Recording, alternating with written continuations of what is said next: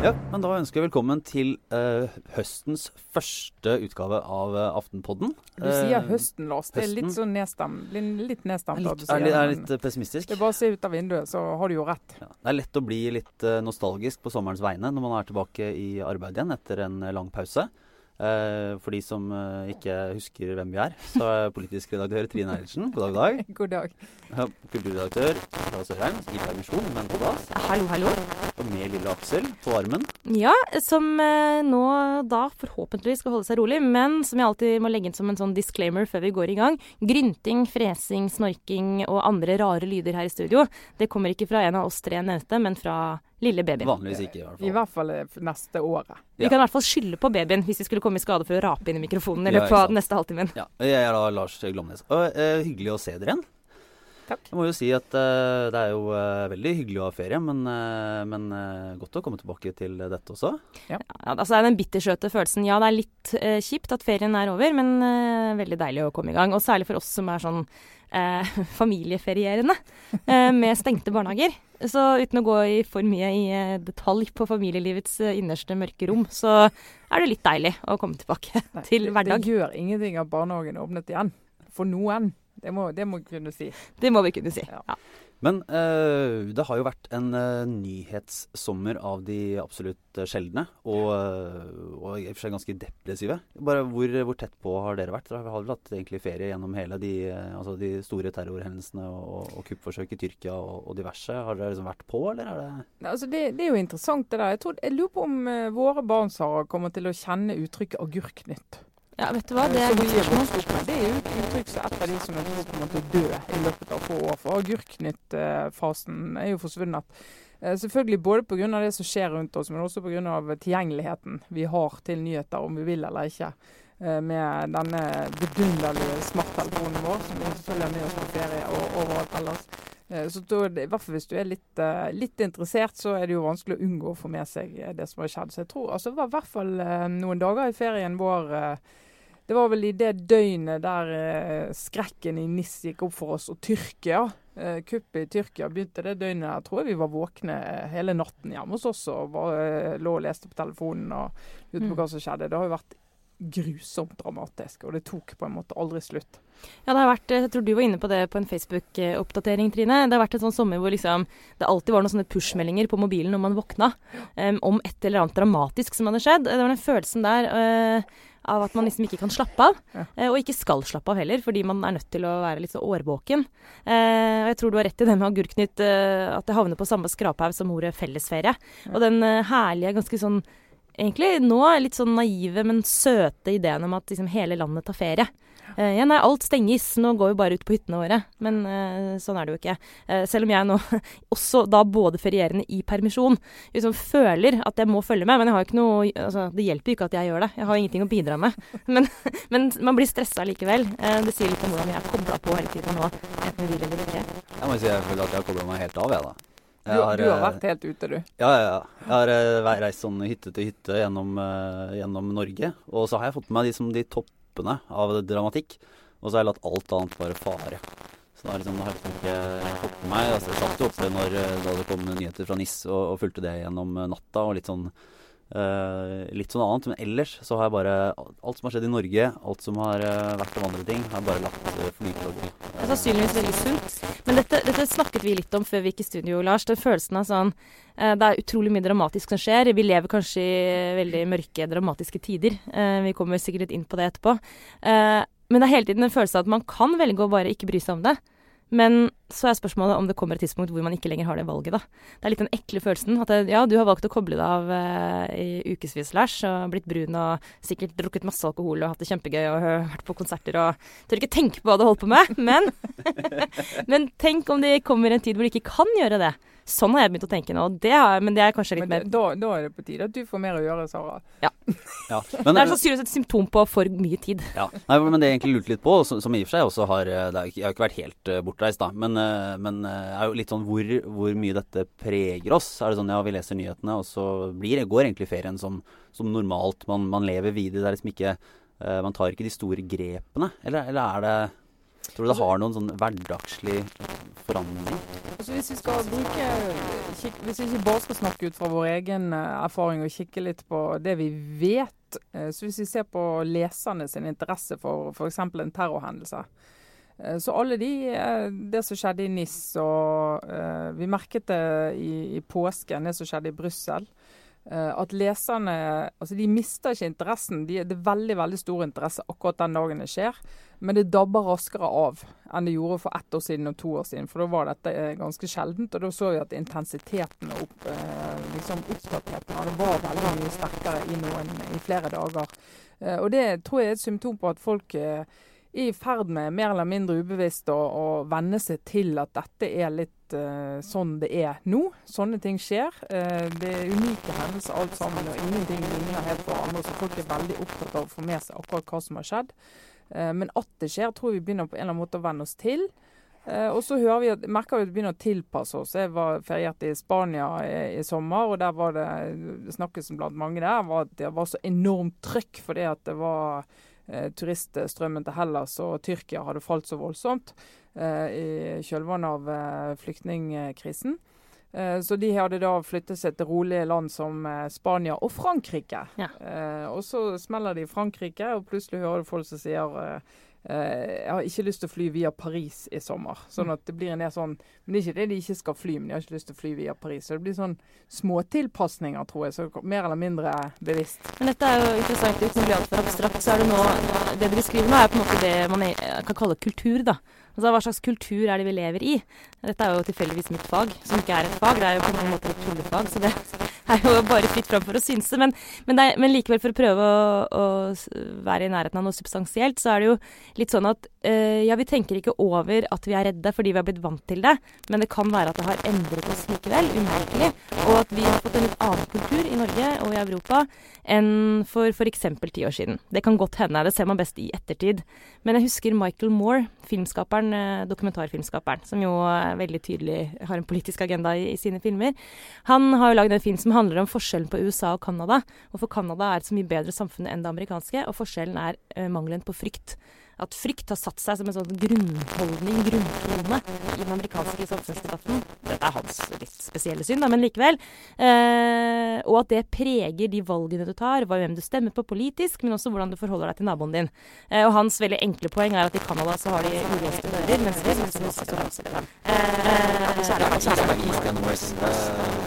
ekstremt anekdotisk lille gåtur til en kanadisk dør. Ja. Han har aldri vært så nøye på å begrunne påstandene sine, eh, kan man vel kanskje si. Men, eh, men det er likevel eh, mulig at vi nå forholder oss annerledes til f.eks. det å være på en flyplass. Jeg tror flere ser etter nødutganger nå mm. enn for bare tre år siden, fem år siden.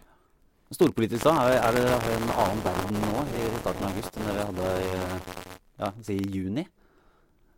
Eller er det egentlig bare en fortsettelse av jeg husker, jeg husker, i fjor høst, da vi startet med podkast igjen etter ferien. Da snakket vi om uh, Trump mye. Uh, og da snakket vi også Du nevnte for første gang da, Sara, dette med disse altså fascistiske strømningene som kommer snikende inn på tøfler. De kommer ikke som et smell. Uh, vi begynte å snakke litt om hvordan verden var i ferd med å forandre seg. men da lå det som en premiss at vi trodde jo ikke at Trump skulle bli presidentkandidat. Uh, og faktisk, uh, som nå, to-tre måneder før valget, så står vi og vet faktisk ikke om det er USAs neste president. Det tror jeg ingen med sikkerhet kan si.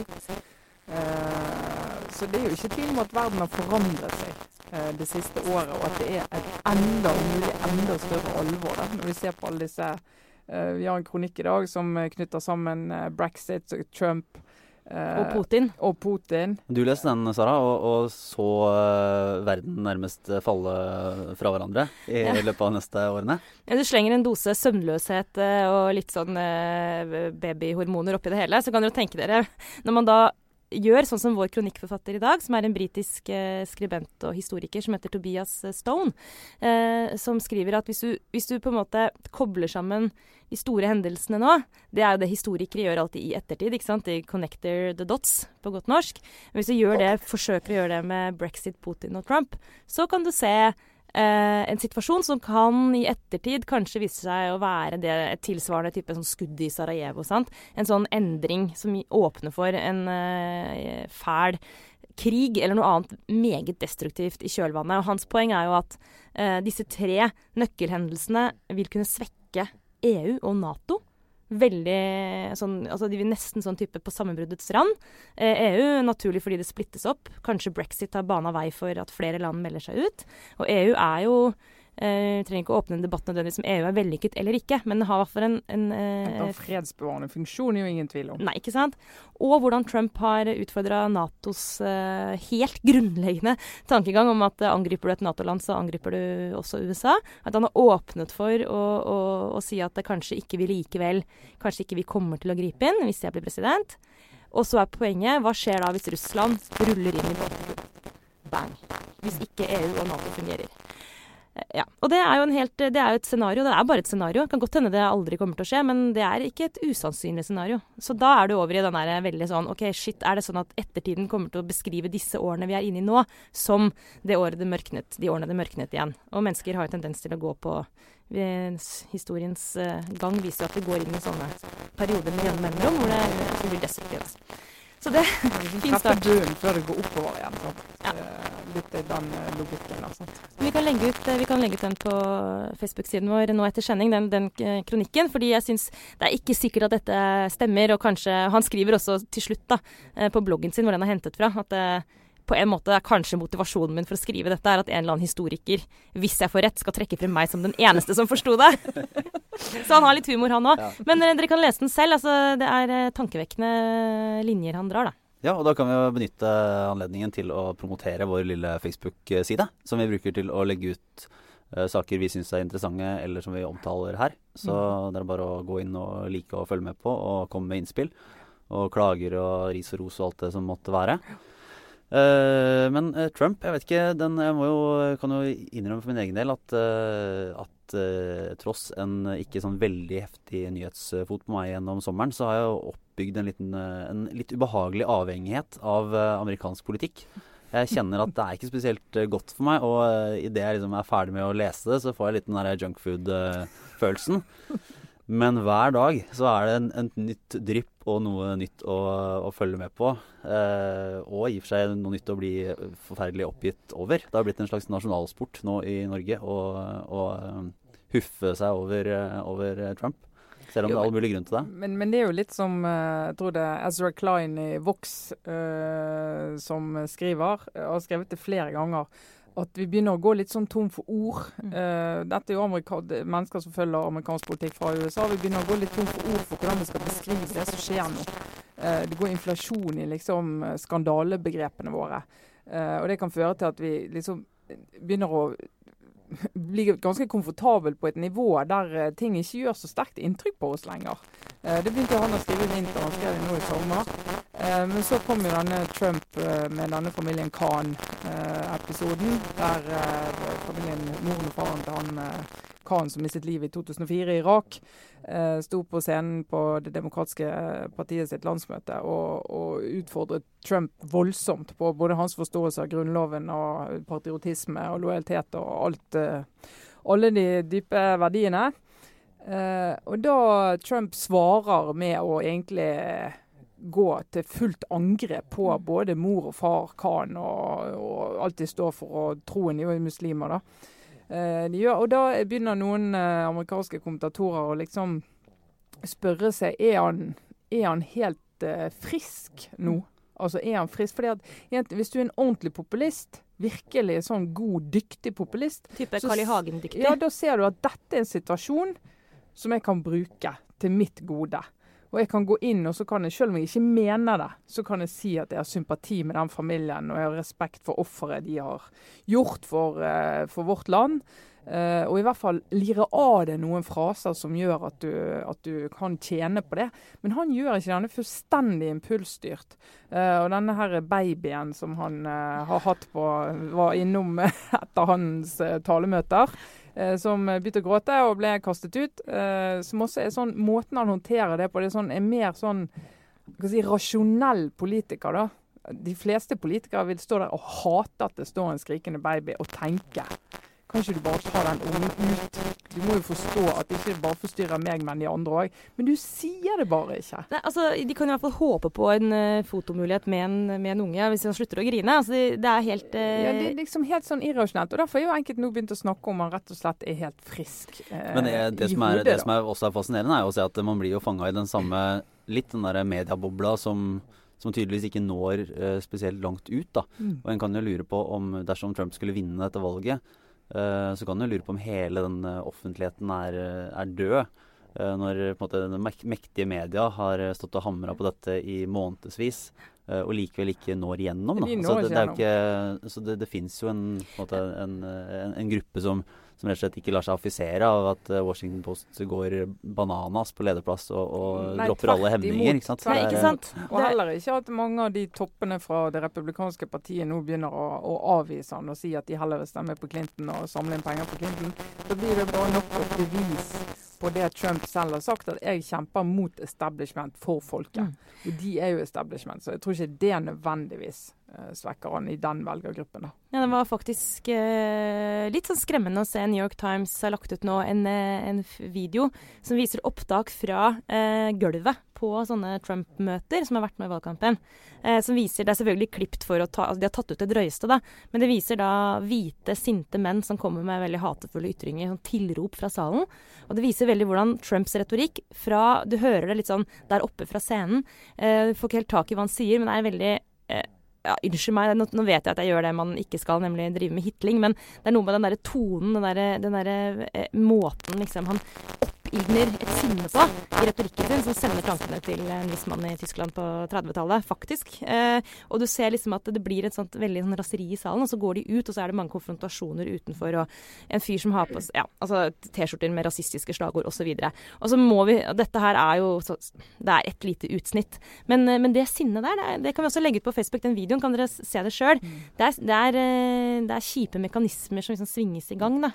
Og det, eh, det, det, som er altså det som er litt interessant, er at selv om Trump taper valget i november, og Clinton blir president, så forsvinner ikke det sinnet. Nei, for Poenget mitt var at de vi ser på den videoen, de mm. er nettopp de du eh, beskriver, Trine. Som ikke leser uh, The New Yorker eller Washington Post eller Guardian, eller forholder seg til uh, etablerte Jeg hører ikke på Aftenposten engang. Nei, faktisk ikke. Mystisk. og det er klart at det, det her Vi har snakka om det før, men denne, dette skillet mellom altså folket og elitene, hva jeg skal kalle det for noe, og det sinnet mot eliten, mm. som her fyres opp under, uh, det, er, det er på et tidspunkt så kan det komme ut av kontroll. Og jeg hører når vi snakker om det også, at det er vanskelig å snakke om dette uten å nettopp høres ut som man er en elitist. sant? Men hvordan skal vi snakke om det da? Det er utrolig utfordrende. Finnes det en politiker som klarer å bygge en bro her, som klarer å mm. snakke uten å øh, oppleves som at han fremmedgjør en svær mm, gruppe mennesker? Ja. Det var fascinerende. Jeg får bare få runde av den eh, biten her, egentlig. Men uh, jeg har, uh, i forlengelsen av min avhengighetsforhold til amerikansk politikk, så da jeg kom tilbake fra, fra ferie og liksom skulle komme inn i hverdagen igjen, så satt jeg og så i opptak disse talene fra, fra landsmøtet til Demokratene og Trumps tale fra det republikanske landsmøtet. Og, og, der er det jo helt fascinerende skille, og det er jo mange som har skrevet om dette også, hvordan republikanerne har sagt fra seg det optimistiske synet på USA. Uh, og Trump da blir en sånn en sint og uh, klagende politiker som mener at uh, alt går til helvete, og demokratene får liksom får eie det positive bildet av USA. da. Mm. kan igjen bare anbefale de som er interessert, å gå inn og se særlig talen til Michelle Obama, mm. som er bare et praktstykke av, av, både altså en skreven tale og en framføring av en annen verden, som er, det er virkelig sterke saker. Uh, også talen til i og for seg Barack Obama, men også Joe Biden var Joe uh, også, virkelig fantastisk. verdt å se. Det er uh, retorikk på høyt nivå. Og, og man blir jo for litt sånn savn etter den type taler i, i Norge også. Selv om hvis man kommer nærmere, så vil man kanskje si at, at, det er litt luftig og stort. Men det er i hvert fall det er gripende. Men eh, til eh, litt eh, hjemlige forhold. Den norske politikken har jo ikke levert eh, noe som helst i sommer. Nei, altså Der er jo fortsatt begrepet fellesferie helt på sin plass. Eh, Men det rare i år har vært at normalt så er det alltid en eller annen som pleier å utnytte det vakuumet til å komme med noen saftige utspill. Ja, gjør, lage, Bygge litt karriere, egentlig. Sant? Ja. Det er jo rom for det. Altså min uh, skylder leserne å gjøre oppmerksom på det. Min gode venn da, Torbjørn Røe Isaksen, som jeg jo da ikke kan uttale meg om siden vi kjenner hverandre privat. Men jeg kan jo si så mye som at han Han har ikke gjort karrieren sin på det, men jeg husker da han var ung politiker, tok han alltid og brukte sommerferien til å komme med noen, noen litt sånn høytsvevende utspill om hvor er politikken på vei osv. Og, så og da endelig hadde avisene både tid og lyst til å bruke litt plass på sånn type en, en konservatisme for fremtiden og, sånne ting. Jeg er glad vi er forbi det. Men, men, men, eh, det må jo si det eneste som var egentlig forsøkene, var jo Denne var det en Pokémon eh, Go-strid mellom uh, Arbeiderpartiet og Høyre, som leverer på, leverer på agurksommer og agurknytt-skalaen, og SVs brunsnegledugnad. Ja. ja, men da foretrekker jeg svevende diskusjoner om konservatismens framtid, rett og slett. Men eh, litt mer alvorlig. Denne uka har det jo vært én sak som har, eh, som har fått eh, blitt et eh, veldig heftig debattert eh, tema rundt omkring. Så denne, altså en, en, en voldtektssak fra, egentlig fra Hemsedal i, i 2014. Eh, der tre menn nå denne uka, eller kanskje det var forrige, ble frikjent for, for gruppevoldtekt mot den jenta som da var, var 18 og nå er 21. Uh, og hun ble da frikjent fordi et uh, for stort mindretall i, uh, og bestående av lekdommerne ville mente at det ikke var nok beviser for å dømme disse tre mennene. Men det som er altså etablert faktum, som alle egentlig er enige om, er at, at de ga henne narkotika at hun var, på et, tidspunkt i hvert fall, uh, så slått ut at hun ble liksom, båret ut av en uh, taxi over skuldra på en av disse karene. Og ja, at og at dosen var dødelig. Nei, nær dødelig dose narkotika. Og at alle disse tre da hadde, hadde sex, eller hva du vil kalle det, med henne. og det har jo nå denne dommen har gått rundt på, på nettet og blitt veldig diskutert, og har gitt kjempesterke reaksjoner. Dere har også lest, uh, lest dommene. Mm. Hvordan ser dere på det som har kommet fram? Ja, altså, saken dukket opp i Hallingdøl, og jeg la merke til den fordi at den journalisten som skrev om det, han skrev at uh, denne saken har gjort noe med meg. Jeg har mm. dekket krim i 40 år, og denne saken har gjort noe med meg. Da ble jeg veldig nysgjerrig så tenkte jeg hva, hva er dette? Uh, og leste det, og leste etter hvert dommen. Og det er jo utrolig ja, Det er opprørende. Veldig opprørende å lese den uh, dommen, og også opprørende å forholde seg til resultatet. For som du sier, det som har skjedd sånn mellom disse menneskene, bestrides ikke. Uh, og grunnen til at uh, disse blir frikjent for, for, voldtekt i det som nå blir siste rettsinstans, rettsinstans for de, det er jo at mindretallet, men et stort nok mindretall, mener at det ikke er nok bevist at hun ikke ville, og ikke medvirket til det som skjedde. Eller at de ikke måtte de ha forstått at hun ikke var i stand til å At hun ikke var i stand til å, å motsette seg det som skjedde. Uh, og, det, og, det, tror jeg, for de som leser eiendommen dommen jeg vet, Nå ser jeg jo både kvinner og menn reagerer jo utrolig sterkt på dette. så og Det tror jeg handler om at uh, når du leser dommen, så identifiserer du deg uh, si med, altså Du kan faktisk identifisere deg med alle der. Uh, og tenke som, som, kvinne, så er det en, en, helt utenkelig følelse å havne i andre enden av den saken der som, som uh, en som ville dette. og jeg tror for en del menn så tror jeg det oppleves som helt, helt, helt utrolig at tre voksne menn ikke kan forstå hva de er med på i den situasjonen der. Så jeg tror det er rett og slett Her snakker vi virkelig om den klassiske at det bryter med folks rettsoppfatning veldig. Og Du har jo systemer som skal fange opp nettopp eh, ja, bl.a. bruken av lekdommere. Eh, som skal sørge for at rettssystemet er i kontakt med den eh, allmenne rettsoppfatning i folket. Eh, faktisk er Breivik-dommen sannsynligvis et eh, godt eksempel på en dom som tok inn over seg noen strømninger i folket. Som kanskje ikke handlet så mye om juss, men som handlet om eh, rett og galt osv. Uten å åpne hele den diskusjonen igjen. Men, men det, er noen, det er jo sånn at jussen eh, har ikke følelser. En retts, rettssystemet har, har en kontrollmekanisme på et vis, da, for å prøve å holde litt sånn kontakt med det samfunnet det, det er satt til å styre eller råde over. Eh, men dette er et eksempel på at når det går i mine øyne liksom helt galt Og jeg vet at man skal respektere en dom, og de er frikjent, men den følelsen man får av at en sånn oppførsel blir vurdert som OK, Eh, er, så, da kjenner jeg på sånn der, Det er som form for raseri. Også fordi jeg selvfølgelig tenker på da alle jenter som ble utsatt for uh, seksuelle overgrep på fest. Eh, rusa jenter som eh, blir utsatt for eh, voldtekt. Eh, hva det gjør med deres liksom, tro på systemet, og eh, rett og slett eh, antallet anmeldelser. Denne dommen gjør det jo veldig vanskelig å skulle anmelde en lignende hendelse. Men det er helt åpenbart at hun har hatt Ja, ikke sant. Det kjennes åpenbart at dette her ikke har vært frivillig. For hvem i all verden ville gjort noe sånt? og, det er den, og da, da, er man liksom litt ute å kjøre, og det kjenner jeg på her sånn. Men da kan jeg føle et raseri mot systemet. Eh, som, som, som, ja, som ikke er noe positivt. Men det er jo, dette er jo, det er jo et resultat av øh, Altså Det er jo sånn systemet virker. Det er, ja, måte, det er, sånn jo, det er ikke virker. nok til å bli dømt. Nei, eh. det er ikke det. Og, og det, det, skal være mer enn et vanlig flertall eh, blant de dommerne. for at Det er ikke nok med bare én eh, overvekt. Det er nødt til å være et større flertall enn det. Eh, og Her er det også meddommerne. og Da bringer, kommer vi raskt inn i diskusjonen om meddommerne eh, og den delen av systemet som jo har vært diskutert politisk eh, i flere runder. Um, hvor, uh, hvor, man altså særlig i voldtektssaker særlig i voldtektssaker har man jo sett det at meddommerne har høyere terskel for å dømme uh, menn for voldtekt enn fagdommerne har. hele Poenget med meddommerne var jo at du skal, altså, du skal dømmes av dine likemenn og -kvinner.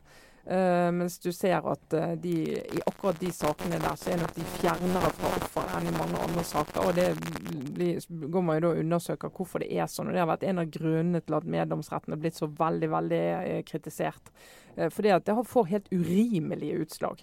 og Du kan si du skal dømmes av dine likemenn, men hvem er disse meddommerne? dommerne. hva bakgrunn har de, hvor representative er de for de menneskene de faktisk møter? Og ikke minst for unge jenter som kommer i retten i en sånn sak mm. Eh, og forteller eh, hva de har opplevd. og Det kan sitte meddommere som tenker ja, men hvorfor, hvorfor, gikk du på den puben? Hvorfor, hvorfor, sa du ja til den drinken? Hvorfor, altså, I hele det under ligger jo hele det der at dette kunne du ha styrt unna hvis du hadde oppført deg på en annen måte. og Sånn er det så ofte i voldtektssaker. Uh, og Derfor så er den med, meddommersystemet ikke, blir ikke mindre kontroversielt etter dette. Og den saken her er ikke over, fordi det som også spiller inn nå, er jo sosiale medier. Og også når det gjelder spørsmål rundt identifikasjon, både av, eh, av altså på, på, begge sider av saken, eh, og etterspill, så eh, blir på en måte begrepet folkedomstol også kalt for noe sånn, sånn type eh, Når du bare tar til gatene eller, eller, griper inn sånn på eget initiativ, da. Når du mener, opplever at systemet Eh, spiller fallitt, så ser jeg liksom antydninger nå til at denne saken opprører mange. Og, og, man ser liksom at folk skriver om det, og det er heftig debattert. Og denne saken blir ikke borte for verken uh, vi mennene eller hun jenta. Uh, sannsynligvis så kommer de til å forholde seg til dette på en helt annen måte uh, i vår nå type offentlighet da, enn for noen få år siden. Så det er en sånn det er, en, det er virkelig en sånn, det er en forferdelig sak. Forferdelig for alle involverte. Men det er også en sånn sak som jeg tror svekker den generelle følelsen av at eh, rettssystemet i Norge fungerer. Det eneste som er positivt med det, er jo hvis det kan få litt fart i at man gjør noe med eh, voldtektsdommene og den skeivheten man finner der. Eh, det kan jo faktisk hende, da. At det mm. blir en debatt som munner ut i noe sånt. Mm. Vi får se. Vi får, eh, får fortsette til uh, vår igangsette vår spalte igjen. Obligatorisk refleksjon, rett og slett. Uh, begynne å nærme oss slutten av, av denne ukens utgave. Um, Sara, vil du begynne med å, å, løfte fram ditt lille refleksjonstema for uh, denne uken? Jeg har så lavt refleksjonsnivå føler jeg, jeg har hatt denne ferien her, at jeg blir bare sånn flau. Men, uh, men jeg har jo Å uh, oh, gud, jeg blir faktisk ekte flau. OK, kjør på. Jeg har jo prøvd å spille Pokémon. Fordi jeg bare følte Jeg brukte opp all 4G-en min på Altså, jeg brukte opp all dataen jeg, hadde, har i telefonabonnementet mitt på hytta. Så jeg kom litt sånn seint i gang med, med å laste ned appen. Pokémon-appen. Men jeg oppdaget også da jeg endelig fikk gjort det, at det, det fantes ikke en eneste Eller det fantes én, tror jeg, sånn ting i nærheten av der vi har hytte i dette systemet. Men når jeg kom hjem til Oslo, så har jeg nå liksom gått inn for å bli en Pokémon-spiller for å kjenne litt på liksom, folket. Hva de driver med. Men eh, jeg syns det er så vanskelig. Ja, du syns det, det, er vanskelig å gjøre, eller syns du det er vanskelig å, måte, å omfavne fenomenet? Nei, jeg syns det er vanskelig å skjønne hvordan jeg spiller det. Men jeg har oppdaget at det er en sånn uh, eh, stasjon utenfor leiligheten der vi bor. Rett over gata. Hvor man kan hente Jeg trodde man kunne fange sånne Pokémoner der, men det kan man tydeligvis ikke. For det har jeg prøvd. Men det står masse kids der. Eh, men man kan få noen sånne baller. som man kan bruke til noe. Så jeg har fanget, hver dag nå så har jeg gått og fanga noen sånne baller, tror jeg. Lars. Det, jeg tror, jeg, jeg Men dette er en kvinne i krise. Jeg tør ikke spørre noen av de der 16-17-åringene. Det er sånn eh, Denne De Welhaven-statuen på Riddervolls plass, eh, hva er det som skjer her, av de, fem, Kids? de 15 menneskene som til enhver tid står utafor stua di. Ja, for det er jo masse folk der Ja, hele så vidt jeg kan forstå, så er dette et pokestopp. Det er det, ja. Eh, og jeg tror leiligheten din nå er mer verdt enn den var uh, før sommeren, som følge av dette. Hvis vi nå skal selge, så kan jeg annonsere med at det er så og så mange rom eh, på Frogner med pokestopp uh, utafor. Ja. Jeg tror jeg faktisk er Jeg har lurt på om jeg skal, lurt om jeg skal prøve det også, men eh, det er eh, Jeg, jeg, Eller om jeg har ikke lurt på det. Jeg har ikke du har, du har gått over? Nei, over hele hodet ikke.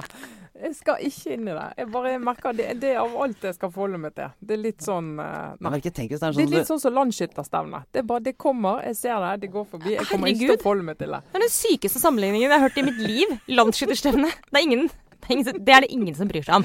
Jeg har ikke sett det. Når, når, når folk kommer mannen av huset for landsskytterstevne, så sitter Trine Eilertsen hjemme i stua si og bare Ja, dem om det. Den dillen som går over landet. Bare Men det som jo er gøy med eh, Mye som er gøy med Pokémon, men det som er gøy på et sånn litt sånn eh, eh, Hva skal jeg si for noe filosofisk nivå, er jo rett og slett det med at eh, virkeligheten vår eh, nå har blitt eh, Altså fantasi og virkelighet har nå for alvor glidd sammen.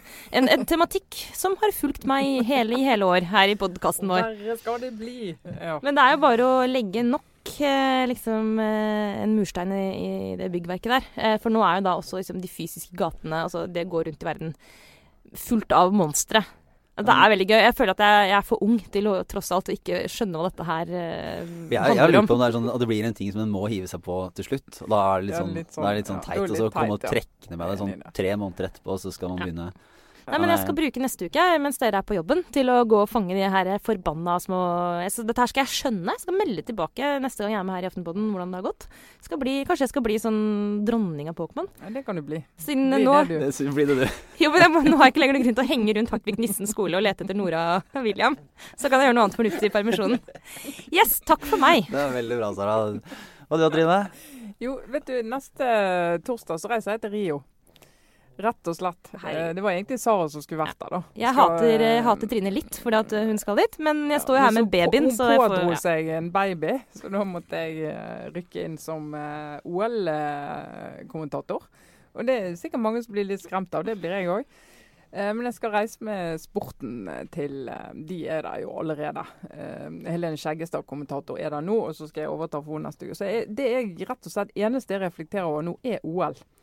Eh, og leser mer om OL enn jeg noen gang har gjort, selvfølgelig. Uh, skal ned der, og jeg skal love, skal love alle at jeg ikke skal kommentere sportslige resultater. Det skal jeg ikke gjøre. Jeg skal kommentere andre ting.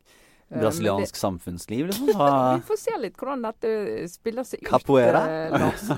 Trine går til å komme med med sånn capoeira-utstyr. Det blir uh, veldig Ja, jeg sier eh, jeg skal ikke love Jeg skal ikke lyge og si at jeg har planen klar. For det har jeg ikke.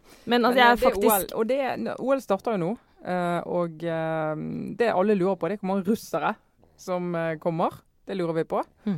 Uh, om de burde få lov å komme. Det er det vel ikke så mange som lurer på. Eh, og om alt er ferdig. og Jeg tror den ene T-banen åpnet nå for et par dager siden. Den ene siste som de har bygd ut i forbindelse med OL og sånn. Så det blir ja. Men jeg kjenner at jeg lurer litt på Trine Eilertsen sitt møte med håndballjentene. Ja, det, må du, det syns jeg du skal lure på. Det, er apropos, det forestiller meg liksom, eh, faktisk et lite kulturkrasj. Det skal Ja. bli Ja. Ja, nei, jeg skal ikke si jeg skal ikke, Som sagt, jeg skal ikke ligge på meg at jeg, skal, at jeg er inni skal ta noen tunge sportslige analyser. Det skal jeg ikke. Vi, Men, eh, vi men- følger det i, uh, i spenning og, og forventning. Faktisk også så er det arrangementet her et utrolig godt eksempel på uh, at sport og samfunnsliv og politikk er tett vevet sammen. Så jeg, en, jeg misunner deg, Trine, bare å være der og liksom kjenne på den følelsen det er å være ringside på et sånt enormt idrettsarrangement. Godt, et godt eksempel på at, eh, på at sånne topper i uh, avishus klarer å uh, snike til seg de beste jobbene. Ja. Det er det, vet du. Du får kose deg på desken, Lars. du Sjefredaktøren er jo egentlig fotograf, så du holdt på å sende han ned som fotograf, men han har jo ikke tid. Nei.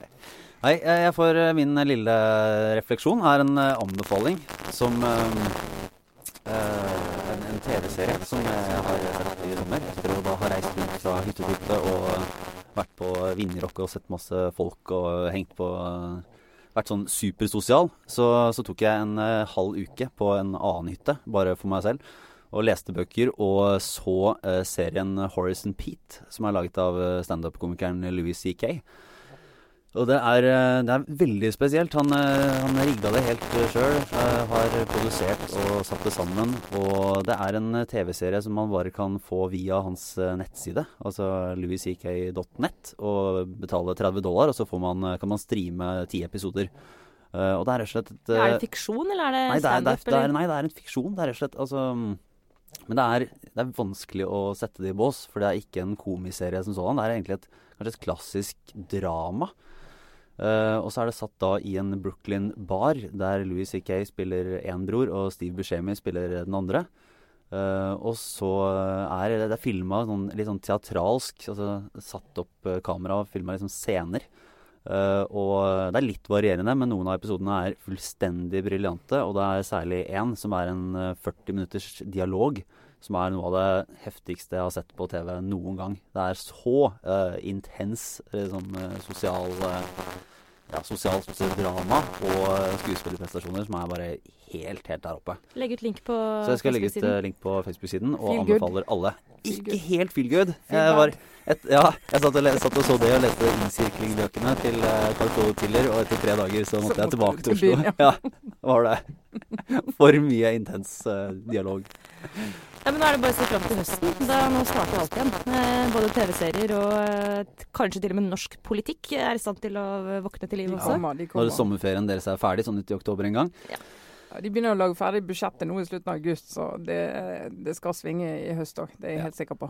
Men vi er vel vi er tilbake neste uke, selv om eh, Ja da, jeg, jeg i utgangspunktet jeg er er på Øyafestivalen og du er borte, Sara. Vi skal nok få til ett eller annet. Så da takker vi for denne gang. Det var Trine Eilertsen, Sara Sørheim og meg, Lars Glomnes. Ha det bra.